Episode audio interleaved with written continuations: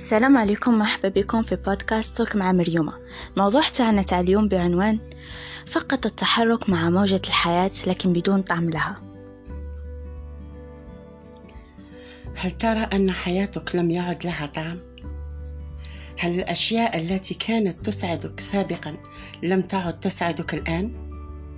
هل فقدت إحساس الابتسامة والضحك من قلبك؟ لم تعد أهدافك تهمك وليس وليست أصلا محددة حسب واقعك؟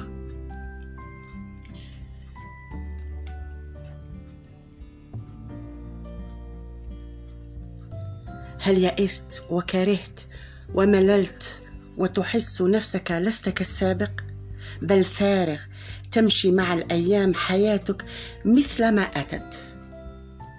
نعم كلها أجوبتها نعم. ممكن فقط في سؤال الأهداف؟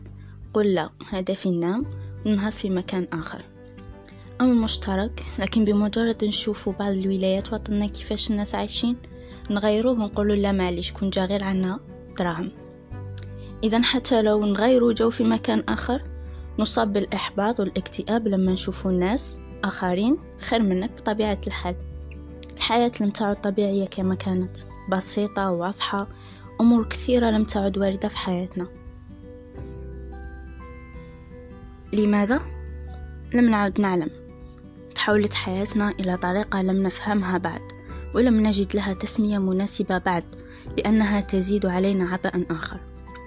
نظرة الحياتية المثالية الآن أصبحت الطريقة المثلى لقتل الإنسان ومشاعره وأحاسيسه الطبيعية وانتشر مفهوم المجاملات والكذب وحب الشهرة. حب الشهرة اللي طغى على كل مبادئ الإنسان. أصبحت ثقافة الشخصنة والمنفعة الشخصية الطاغية مفهومنا حول الحياة معوج. نظرتنا محكوسة أوصلتنا أن تكون طعم الحياة غير سائغ وغير مناسب. في الحياة تكافل وتعاون وكسب الغير والإحسان أمر في غاية الرقي الأخلاقي والتحضر الحقيقي. والحياة عمل وراحة وتضحية وتنازل. لكن لا حتى هذا الكلام لم يعد يجدي نفع في تغيير رؤيتنا. حتى أن هناك مرض اسمها العلمي الإلهيدونيا اللي هو مرض فقدان اللذة في الحياة. راني متأكدة رانا مصابين به. أصلا هناك ربعين حتى خمسين بالمئة مصابين به في المجتمعات. حتى أعراضه راهي واضحة علينا. أولهم عدم الانسجام. أصبحنا ميالين لقطع العلاقات مع الآخرين. اثنين اضطرابات سلوكية أي ما نقوم بأي دور فعال ومتزن في المناسبات سواء كانت سعيدة أو غير سعيدة إلا بالسيف وبدمير الوالدين. ثلاثة دوافع خفية لا يمكن التعرف إلى السبب المباشر للحالة يعني حزينين وما عارفين أصلا شو سبب الحزن بتاعنا. والرابعة الرؤية السوداوية. يعني تشوف كشك حال فيك حال مستقبلك حال في حياتك كحلة أهدافك كحل يعني تكون مستسلم ويائس. يعني أعتقد بعضنا إذا ما كاش كلنا راه عنا أعراض هذا المرض. راكم تقارعوا للحل ما كانش. الحل هما كاتبين هما عند الناس الآخرين كاتبين طبيب نفسي والحوار. حنا هادو زوج ما نسمعوش بهم باش نكونوا واضحين. ما كاش فينا يروح عند طبيب نفسي وما كاش أصلا هاد الثقافة عنا ما تمشي متواجدة.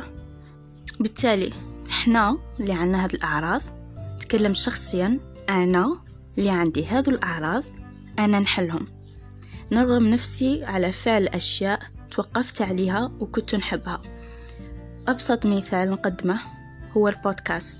توقفت إذا لاحظتوا إذا البعض لاحظ فترة طويلة بزاف وما درت البودكاست لأني مليت وكرهت وفقدت الشغف.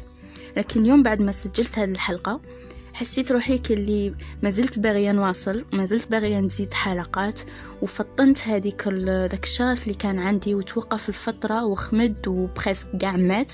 عاود فطنت روحي من جديد. يعني وسيفت على نفسي هذه النفس الأمارة بالسوء. هذوك الناس اللي كنت نشوف لي أنا نشوفهم خير مني ما عادوش يهموا لأنه كلنا كلنا عن تحت سما واحدة يعني ما كاش اللي عندها سما spéciale. حياة عندها جمال ودمروه في هذا الزمن. ما ندمروش نفوسنا من أجل أمور عندها سعادة لحظية لأنه presque قال الأمور اللي راهي الآن لأنهم الناس سعيدة بفعلها ونتمنوا إحنا نكونوا منهم. راهي لحظات وسعادة لحظية فقط ما تستمرش أكثر من ساعة. وهذه هي. وشكرا تلاقاو في البودكاست الجاي. إن شاء الله.